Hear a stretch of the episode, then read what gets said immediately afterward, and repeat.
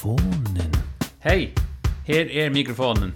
Et podvarp nu òsni av video som er slett tata ligge til. Podvarpet hever framvis sine ekne heimasøy og mikrofonen FO, men kommer òsni ut i samstarve vi tøynda tjernastena lokalt FO. Og her er trett, jøkken velkjentar sosialmilar og video og podvarps plattformer. Vi intervjuar personer som har spännande vidan att døyla og etla avhåverda møyningar og mykje bare hva som helst. Mikrofonen er parsta politiskt oheft, fjöltotta og opplysande, Øysten i mån til hva som er framme og i tøyene. Jeg er det Tiril. Velkommen. Ja, velkommen til uh, hese episodene av uh, mikrofonene. Vi sitter her ute ved strand, ivrig ved strand ute, uh, og vi tar en gest her som heter Ranva Erlingstøtter Simonsen. Hon er kommen länkan vi alla vägen fra Baffinland i Kanada i vil färja en tur. Hon er jo föringur og hon bor her i rettelig lunge. Og uh, hon finnes vi neck design innan för og och annat och jag såg att skilja lärna vi neckvisen her eh skinnen alltså som det här har tradition för uh, upprunna för att här och och så har du uh, just nog snägg nytt då i samband med det här. Så inte bara traditionellt men så, så just också nytt till det. Ehm här var de fina vetter öliga höjder och, och bleiter eller så mjuter över och, och, och jag kan förställa mig att det öliga gott här som det är så kallt om vetren alltså. Hette jag Kaupashin och så säger det att det var entreprenören och snö. Hette er bevare. Oh, ja. Utan och innan. Aha.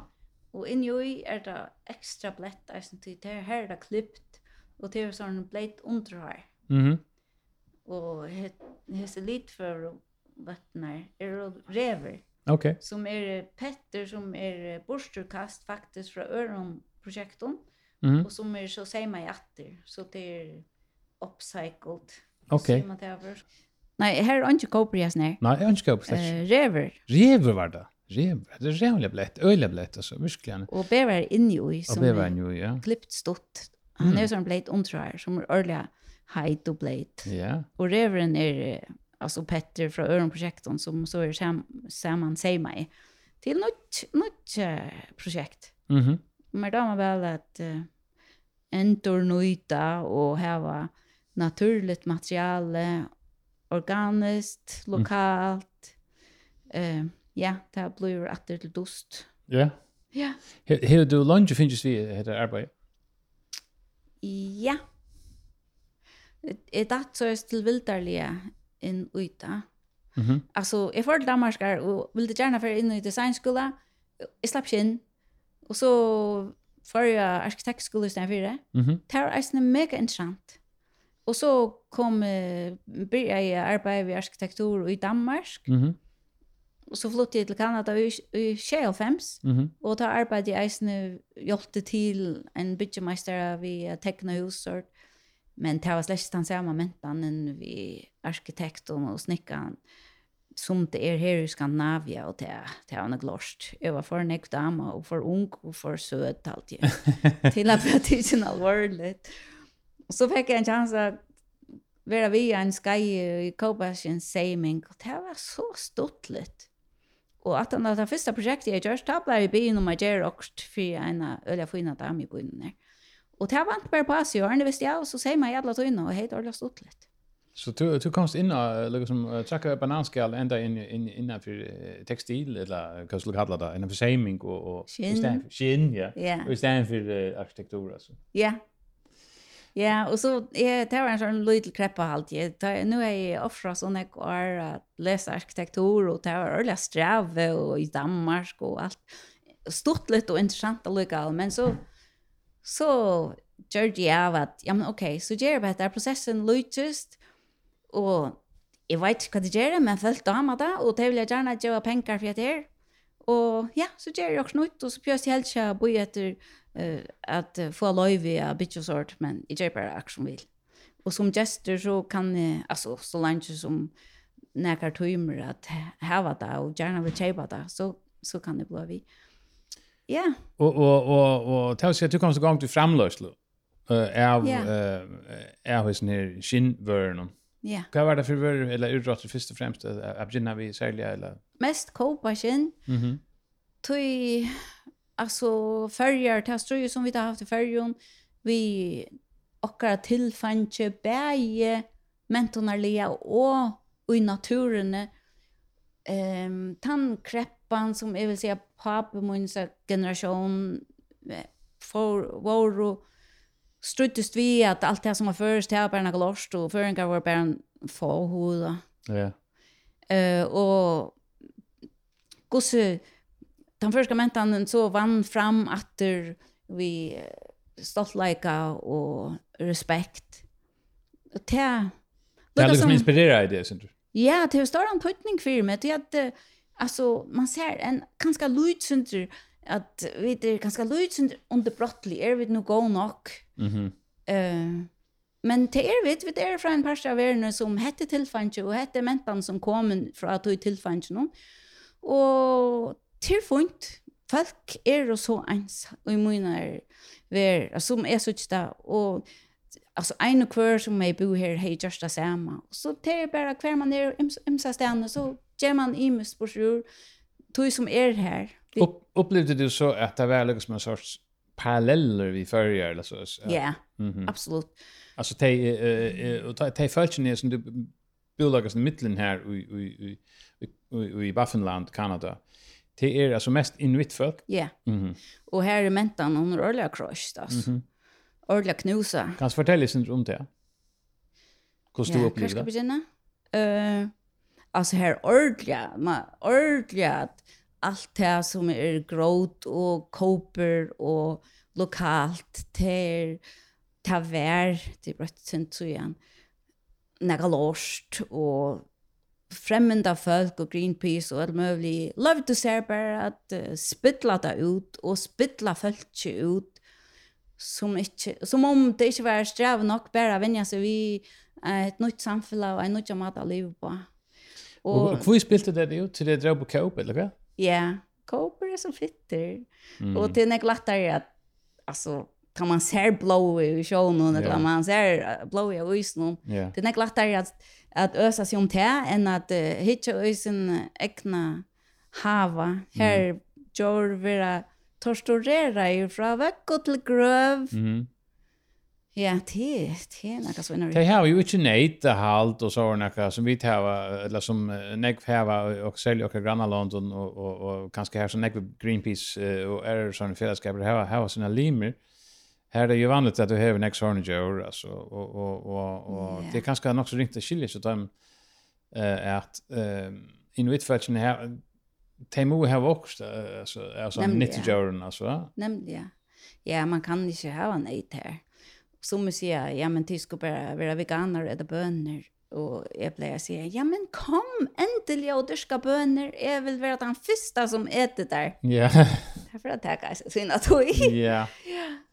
Ja, ja, det är alltså det är ganska eh typiskt att det så vi upplever då just nu vi vi är sån här eh aktivisten innanför att det är Sea Shepherd Greenpeace och kanske onkel är såna fällskap att de skiljer inte ordentligt eh lusti stoilen cha cha cha falkon som som som lever av av här någon till dem så. Ja. Det var sån happing og manglande inlit mm. totalt. Mm. Och alltså så över av en hon som är byggvi og arbetar her är kvinnecenter, kvinneheim.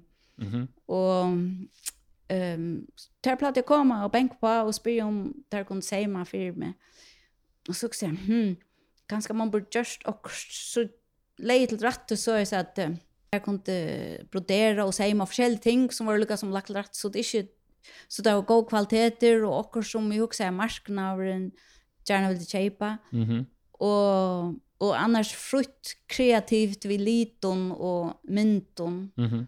och reaktionen som effekt det här så kom att vi synar kreation och her som det var bare vånlöjset at det kom första syfte. Nu skin och ejene och där smultest och där det igjen andra parsen innan og så her, här kreativ kreativiteten och där väckra bois. Det var ju fantastiskt. Ja. Det, det man var tillfreds till det. Åh ja. Ja. Det ser att att att det var verkligen något som som som vakte något utan och det blir glädje för jag kommer igång vet du. Ja.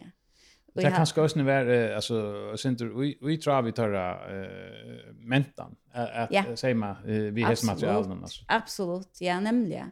Bäi ta mentan eller och isne att det kreativa. Ja. Jag har det på samma måte. Jag gör det isne show till att mer damer att finna det verkliga in i mig själv varje och få det ut i världen och dela det vi världen.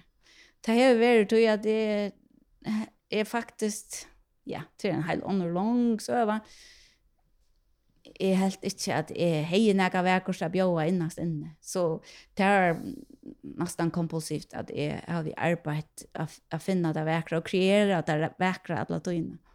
Nu har vi så lært at jeg er snill av det verkere innan noe mer som vi tar leve. Det er leve som er noe fantastisk. Det er, det det er som alle borde arbeta vi halde ju. Ja. Eh men uh, lukka till halda vi alltså här att alltså sövna om om att rikshem eh begin to do cuz cuz lunge had very we we Baffinland då det kommer till gång vi vi att Jerry ser design nu och får se tingen det samma. Jag minns akkurat några år. Några år, ja. Och, och, och det här hyllde fram alla tøyna, och så det växer, eller? Ja. Ja, jag gjorde mot min mina snitjeving som var så Justin säger är breit allar uh, lower til at jeg kjente det ikke. Ta. Okay, ja. Og jeg har aldri rønt at kopiera til det. Det er helt ikke bare så i plass. Men så jeg har haft det her alt seg at ikke vite hvordan man skal gjøre, og eisene så damer jeg gjør også noe ut. Og så har du jo haft en listelige bakgrund, så du har vært utbyggd eh, arkitektur, og jeg var ikke dødt i øyne ved å tekne og arne det. Oh, ja. Jeg minns det godt, altså. Oh, ja. du har vært jo kjent for det, Ja, Och så spelade ja, musik och så du är nästa yeah. så kreativt. Ja, det är mm. uh, helt uh, ja, i love you mer det kreativa. Så du kommer in här uh, vi när vi frusken egen och och och just också helt annat än än det var vi visar som tingen kanske. Ja. Yeah. Och så reaktionen är Okej, okay, det som jag gärna ville det var att få att det är inna mainstream, att mm -hmm. få att acceptera och få att fra att vara skamligt till att vara och som man kan vara stolt av. Ja. Ärren ja. Och och och hur så vart han kan fortälja sig om det här processen. Alltså hur hur gjorde du det? Hur hur runt du att nå ut och och hur hur så vart han tillgång till alltså. Ja, jag begynte å mer mer så contemporary, moderna inspirera av Imson, äventyr och film och popkultur allt möjligt. Um, og så røyner jeg å finne det at tøyer leise, og, og få av kinnene at tala for seg selv, tror jeg det er så vekkert og så uiblasende. Fantastisk, vekkert naturprodukt. Men så, så fortell du sövna ut. Hur så fart han ut? Hur så hur du just för att få ja. det ut alltså. Alltså bortsett från plakaten och på posthusen och så vidare. Så Helt så en butik eh ja, en utställningsvinda och Ja, en liten handel. Det är en handel. där. Ja, vi bor ju i det gamla eh Hudson Bay husen här som vi heter första värsta som är jag ser man luknar vi monopolhandeln i Grönland. Ja. Oh, okay. Där är ju de flesta byggnaderna är byggningar så läst. Okay. Så är det här. Vart kan alltså hade det såna institutioner här som är liknande som monopolhandeln, eller? Ja, Hudson Bay. Det, jeg mener at det var monopoler. Jeg vet ikke akkurat det sørlige detaljene. Nei. Men ja, der hadde... Så kjøpte der skinn og selte mjøl og sukker og så, og bysjer og så framveg. Det er en slags byteshandel, altså. så ja. Mm Ja, ja. Så det var tar det valuta, det var skinn, altså. Ja. Mm. Og hesten, hesten handling gonger lengt atter i togene. Och och produktionen är skinnen är en stor eller eller lite eller hur ser det? Är det som i Grönland eller hur hur hur vad det var problem så här för för fett då då i den här så. Eh ja, det är intressant. Alltså ute står Boilat noen av Kanada så er Kanada utnaren byggter av skinn utnaren. Eh er, er, Hej, jag er glad for att jag var pastor och tog i stora sjön i Kanada. Mm -hmm. Men så er det inte att det var ringt av fædre av garva om kinnon. Okej. Og så det var eisne jeg måtte ta seg vid de som satt i styren og fyra røyne at prioritera skinn. Det som hendte var at de kjøpte skinn fra veiemannen, mm -hmm. mm. og røyne til eksportera det. Ja, bare som det var altså. Ja, yeah. eh, nei, det garva da, og så yeah. selja det. Mm. Etla selja det rå eisne. Mm -hmm. Men Jeg råkner vi et som det var bare menn som så til i timen uh, arbeid, noen som tok avgjør i så det var ikke som hokser om kvinnerne. Mm. Og så, og ta til oss, ja, men det er jo privat, jeg sier, ja, men det er jo privat, det kjøper skinn fra mannen, og jeg tar seg ut der ofte om at uh, syrja fyra få garva i sin atter, så jeg sa, kvinnor kunde arbeta vid känner och göra ting som de kunde så sälja till turister och så är det. För det virusökte sig inte så. Ja, virusökte. Mm. Ja, ja. Nämligen. Så ja. det var det blev så späckliga så bröttes det späckliga. Så så det blev det blev en brötning alltså. Ja. Ja, det blev det. Och och nu är det uh, mer vanligt att uh, är det fler som gör det än du, va? Ja, jag arbetar samma i Nekvon. Det startar en trend alltså.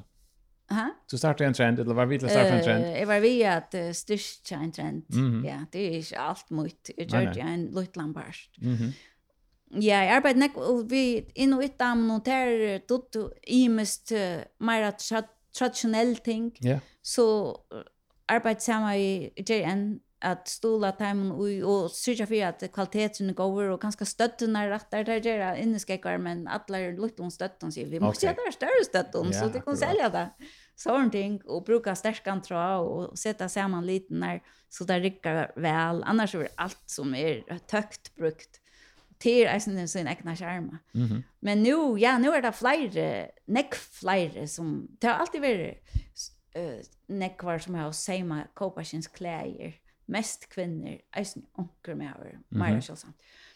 Um, nu er det nekk flere som seima og gjera, gjera er det nekk på sjur, og designa flott klæger, og tasker, og i mest annet. Och så köpa turister där och är det är det ösnä så så där vi shippa i till era parter av Kanada exportera eller så. Ja, synter til stadigvæk vi kom igång men lokal fältsne Bæði tei som er og hene, og eisen tei som kom og arbeid her, uh, dama vel a bruka og kåpa sin lokalprodukt, lokalt gjørst. Ja, så det er ordentlig godt. Og jeg har jo selv til nekvar ministerer og, hva sier det, uh, sånn som ambassadører, mm. kanadiske ambassadører. Okay. Så det jeg kom her av det offisielle planet. Så det blir fint alltså Ja, och det är alt att jeg kunne köpa det och bruka det och vara stolt av det och äga det som heter er parser av Kanada. Vill säga nu att hon så är det mer att kopa sin och sort från norr ändan av Kanada. Alltså det mest kanadiska du kan få hända nu att hon. Mm. Ja. Ja. Men är det väl näck most det? Hur det väl näck most det? Alltså alltså två två att bojar folk som inte skilja eh, som äntan som vi var inne ju aktivister och såna. Är det väl näck trubbelager att du? Og i halvfjersen så var eksporten til Europa pura steggaver. Så det og det er leie ordelig økonomien til ekon familjon og til økjen som halt.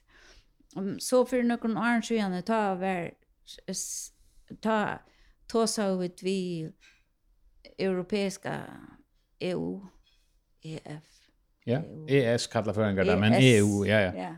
Slipper det ut. Att där att vidare vad det.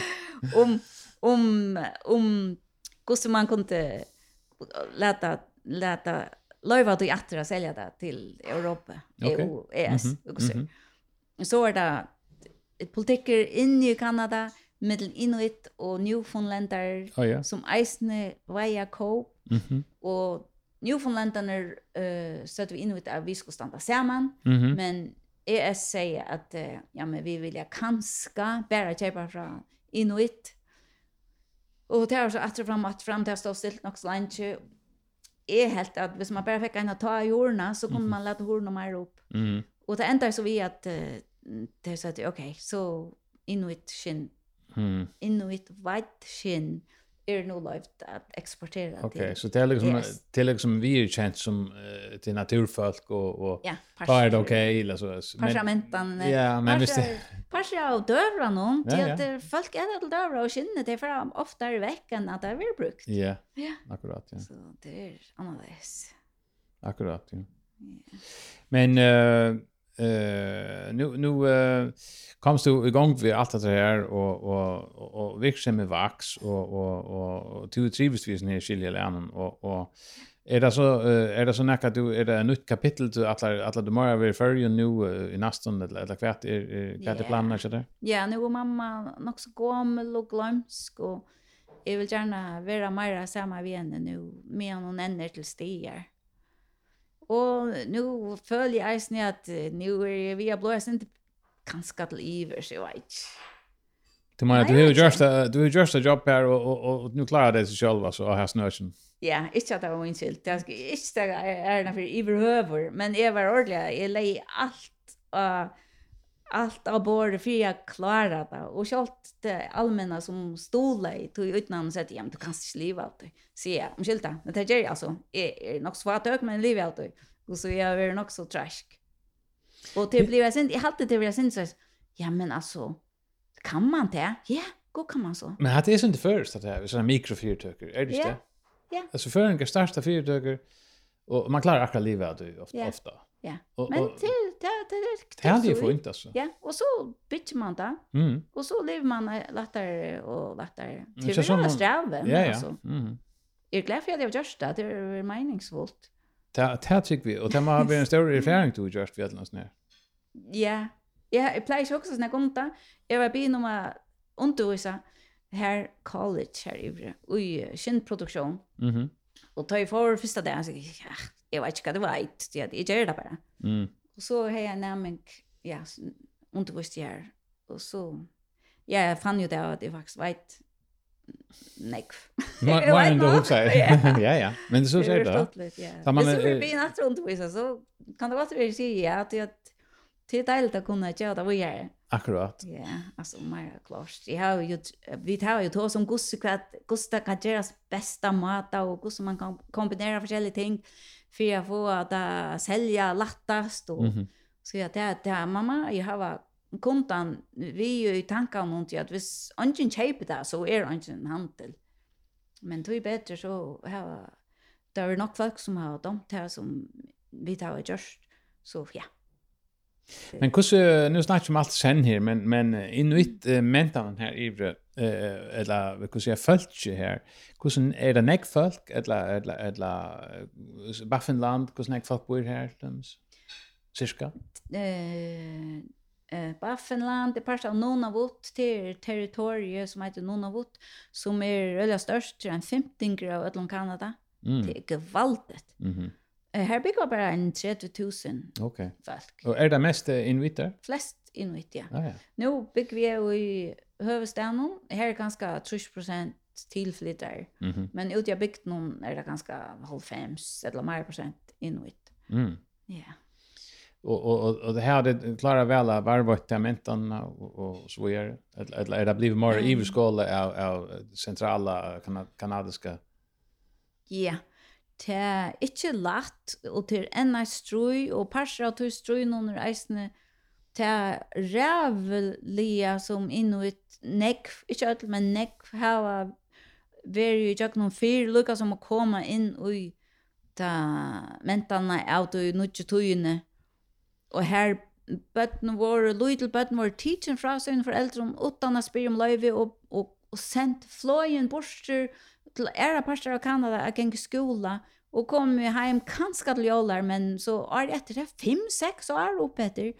och näck av hur som skolan uh, var uh, rævlig, uh, streng och uh, sexuellt missbrukande. Herregud, god alltså. Det var en stor skandal framme nu. Ja, nu funn hade jag funnit alltså Kan mass gröv eller kan fan det var kan vara ordentligt och. Vi näck om böten. Ja, så ohyggligt, så vemligt er det. Til akkurat som man skal lukke som jag kan sån for äldre kom in och vi har haft her noe inte samtla. Men nu er det Jag glad for at jeg kom fram til. Nu er det akkurat som endelig at de som inte byggvar norran for skilja det faktisk passar. Ja.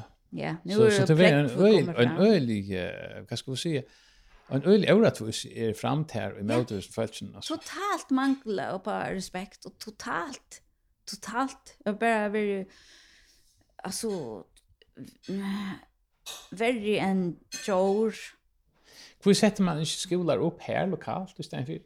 Ja, en små arbygder, de vill inte gärna att fölkene finko nutja menta. Ja, de vill civilisera det i gasaren. Ja, ja. Men Det var inte så som som det runt i Grönland kanske inte så grovt men är inte liknande alltså yeah. princip att man man yeah. man kör det man man tar sin naturfärden centralisera centralisera det.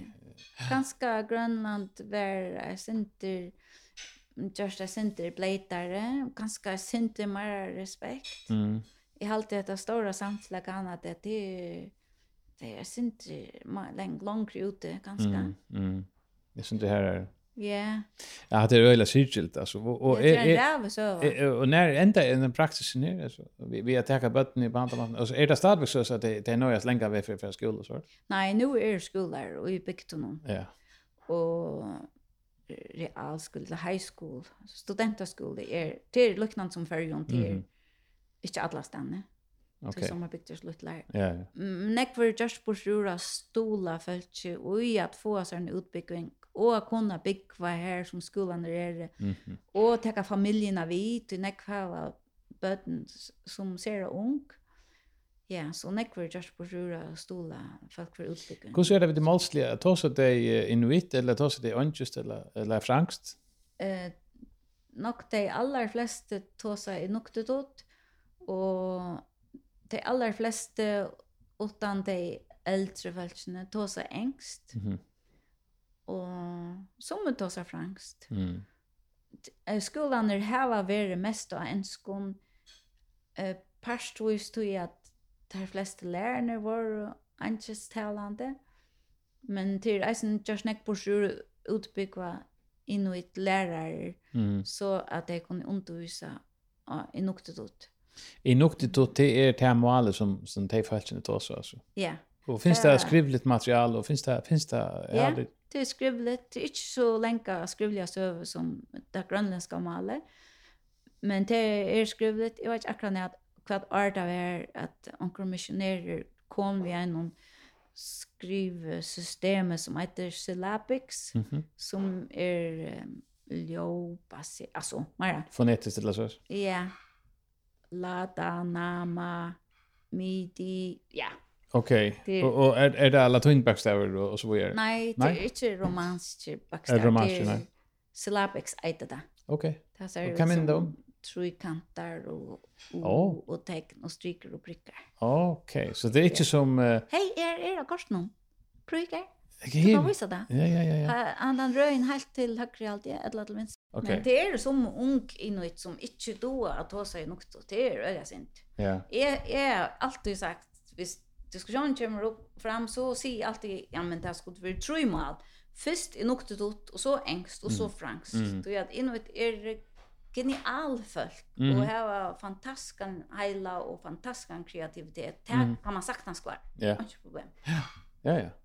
Ja men men vi förringar klar ju oss en tre mal utan problem. Hallå? Ja. Så det är klart. Det var gott för hela. Det är det nog. Ja. Ja. Jag var stolt av att komma.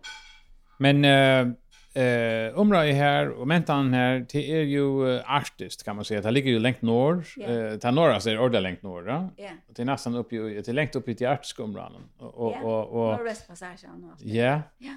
Och ta se det hur ser vi tog alltså identifierar man så näck sjön vid det artiska kan ni huxa mer och och ja. är näck samband vi vi vi vi Grönland till döms eller vi andra artiska öar. Nej, det är Ja, det är det här är en fällskap här inuti runt om alla Nordpolen samarbeta. Oh, ja. Och här då så där mentan och vaje och politik och olje och trafik. Mhm. Mm här röna torskar och kineser att släppa på i. Ja. Yeah.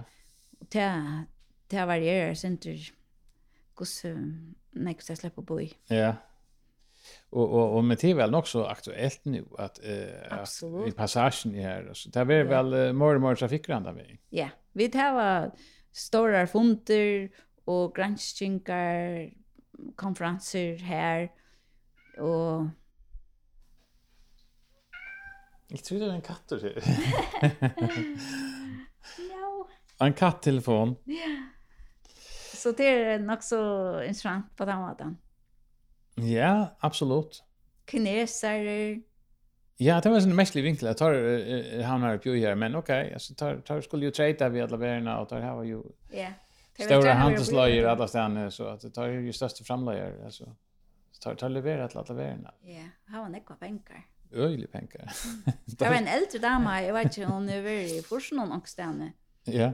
Hon så öliga allvarlig och öliga så alltså don't mess with me. Mm. Och så hände en unga att han som vart 22 ganska. Mhm. Mm och pen och fit och ölja vältalande och då så ängst och mm. da, da, da.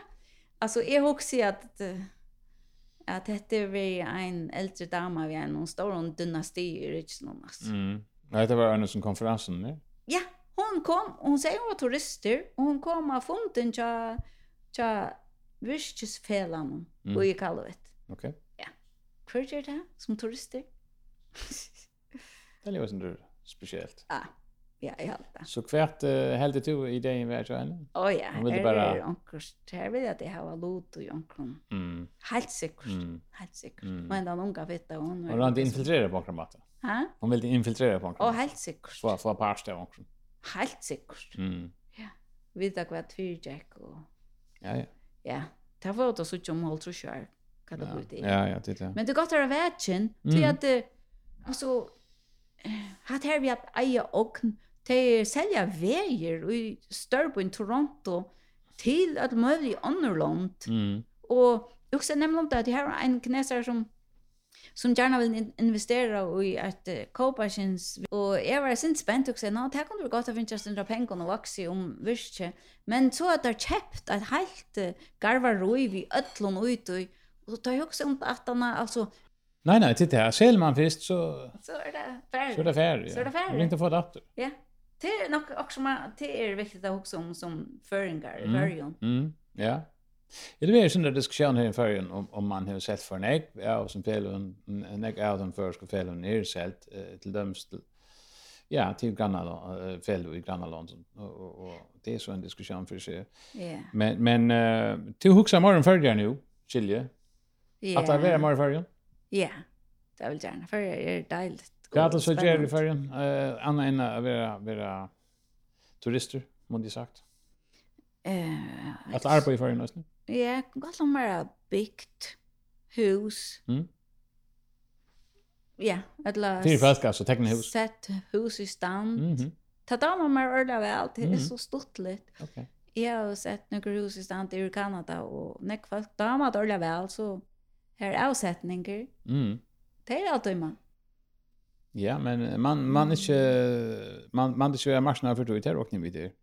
Jo. Nu får det så tjocka dent. Mm. Och jag vill läsa gärna av avska samtala som kvinna. Akkurat. Du är vad samtala är bruk för jag Akkurat. Ja, vi må vi må göra det som vi kunde och ja, vänja och kon öll vi samtala som är bättre. Eh januar. Mhm. Mm och jag som imso. Störst någon som vi där va. Ja. Mm.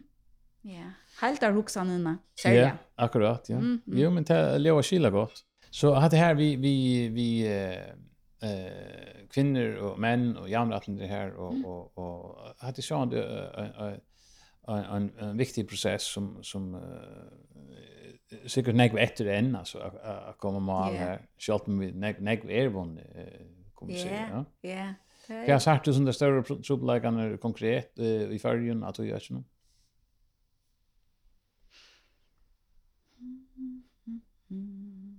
Det är en större spårning. Mm. Jag har alltid delt att säga kvinnor och män som arbetar i bytjehandeln och som gänger i bitch klävon. Alltså mm. det är väldigt enkelt, men det betyder ordentligt nekk för mig. Tror jag. Som de säger att förut fyrir tøyne er grunden til at koner er er vi mot av så tid at det er det eneste at jeg kunne kontrollere det var det som vi var i så jeg vil gjerne ha det at jeg vil sin tid akkurat ja. det er alltid viktig at de virene som vi traditionellt har lagt til kvinner mest at det har vært delt over hva mener at tøytning i samfunnet det at altså men då öjliga vel at färra fram ett å bytja og få att tänka hända. Men anker så blir det kan det blir sin enspår, og her husker jeg at kvinner då generelt lagt bedre at husker om alt møl til sen. Ja. Yeah. Som vi blir svøk av det, men vi tar bruk for det, mm. så at alt hong sammen. Mm. Det passer. Ja. Og, og, og man skulle just huske kanskje, omhuske kanskje, også til at uh, i tradisjonen eh har vi skilt alltså. I där vi har hört från omkring sociologisk författare eller som har tagit som distinction att det gam gammal tradition är alltså kvinnan har faktiskt också är ska inte vara för traditionell men men till östen där visst man visst man menar det att att kvinnan har åt en en en en ut det gamla year av samhället att männen var ute och jaga och, och kvinnan var eh, hemma eller kan man kalla det. Inte inte ändliga i köken men men men hon hon dominerar ju ösn allt område i hem. Och i hem på innan eller hem bikt så så det var hon som faktiskt stod ju öllen upp här och och ta i för lunch jag tror var det vill det vara naturligt att yeah. att konfession hade större eh rollo och jag bitch hus sort. Ja. Nu vet jag att konfession bestämmer ultimativt tar man shaper hus alltså det det det är det ofta konan som bestämmer själv mm. det lever som mer bestämmer det är såna helt annat mm. men det borde kanske vara mer är oss när att mm. konan då kon folk hade mer eh större löglot innanför yeah. innanför bitcher och hus hus är bitcher och så bostäder bostäder utveckling och sånt ting ja och hur vi lever vi förbruk alltså Så att det här vi man bara kan köra ting väck, inte för väck. Mm, nej, det ska långsamt, ja. Ja, det ska långsamt, ja. Och jag alltid att vi manglar att att också om att allt är resurser. Ja. Bäge ting och eisne människa. Ja. Ja, akkurat. Och vi tar bruk för att den som förälja. Mm. Och sen det är en ekonomisk kontakt också. Ja. Mm. Mhm. Akkurat. Här som vi bygger här är en starka kvinnor. Ja. Och där vi respekterar resten väl. Ja. Och det är ordentligt dejligt. Ja. Det njöter Och här är man resten, inte hon och han. Och som är kvinnor växer upp som män och som är män växer upp som kvinnor. Och alla män då säger hemma. Mm. Och nekvar kvinnor är goa varje kvinnor. Mm. Och ja, öliga särskar. Inte färre och fjäsa vi mannen jo en är dam här. Det kan vara lust för. ja, ja. Eh, ja, men Ranva, Ja. Hetta var sér áhuga verst. Ja. Och vi må prata vidare hann är för. Det var gott. Och Og eg minnir at geva etnum við ætlum. Bæði her i i i Baffenland och i Färjön. Ja, tusen tack. Det var spännande att sitte om, om, om vad det kommer igång gang vi her også. Ja, ja jeg var ikke ørlande, men det er synes jeg er ja. Det er ikke utan jeg var til, at vi får en sterske kvinne. Nei. Att lägga som flyter sin på tingene. Mm. Større tack för det. Och hva, hva kunde folk forresten, Arvid avslutta, hur kunde folk få fætter i sånne flotte produkter du säljer här Så här är det punkar, och här är det eh, vätter och kan du fortelle sin til morgen at det jag bara avslutningsvis här. Jeg har ranva.com, Mhm.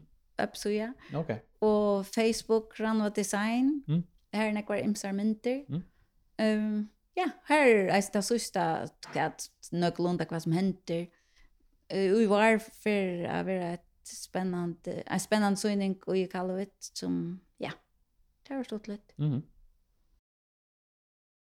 Lika en spurningur har vi vi har till uh, Randvo här. Nu är vi nere i i i Voxbotn.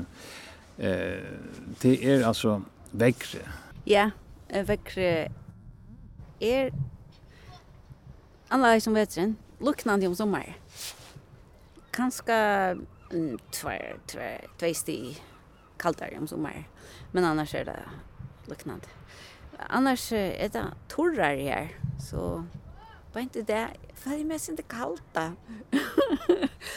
Ta är det very i Kanada nu går jag också nu då vill jag mig ut och kommer att börja.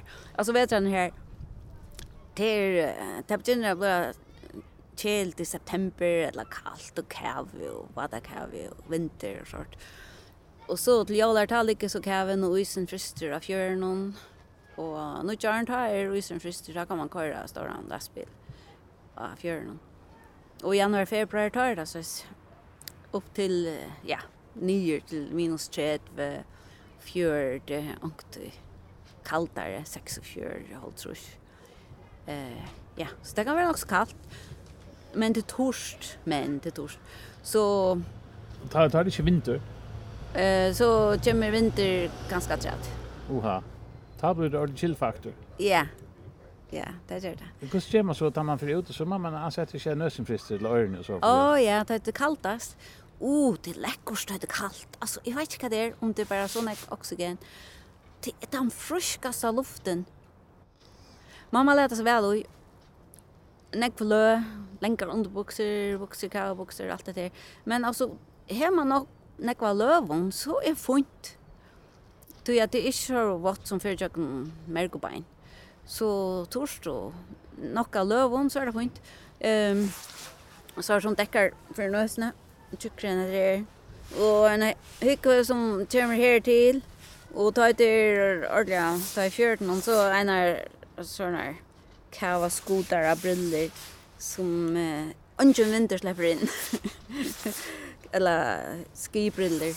Hvis jeg lyder ved at vinter kommer inn, altså så vil man fryste beint her.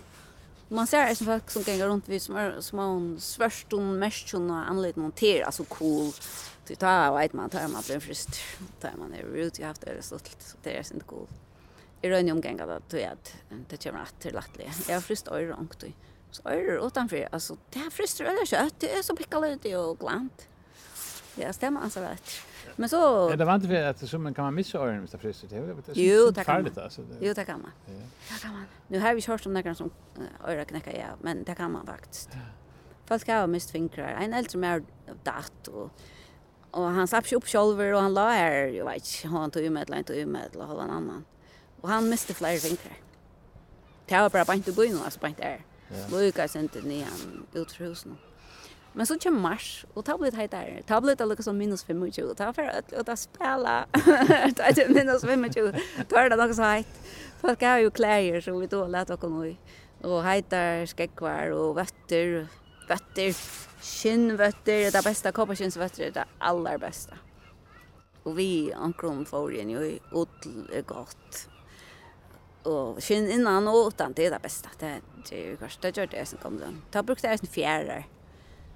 Storman i fergen, teir er og bedre enn teir Kanada. Jeg saknar det sin til bekost. Men vi tar så kavastorm. Men ta er det bare, ja, nek vinter, huset brakar og knakar. Og det er ikke godt for ut. Du ta, ta, blir man vekk. Altså, det kan være så tatt tjukt og kava som flyr rundt, at det sitter ikke rundt veien. Det er faktisk folk som er frist, tar det rundt i affærer, en enda i byen og hin enda i byen. Og da er det godt å sitte hjemme. Det er ikke lett. Det er det sin streve. Og det er bare affærer ut i bilen, tar det minus 42, at det er litt sinter en verskatland. Du, Hvis jeg har hendene fruer i et halvt minutt, så får jeg ilt i fingrene. Mm. Og hvis jeg tar ikke håndtaket av hårene, som er metall, mm. og i ångon vøtten, tar det så kallt, så, så brenner jeg der. Yeah. Ja. Så man skal lykke å minnes til lykke å ha alt dekka. Og... Skundar man seg ut.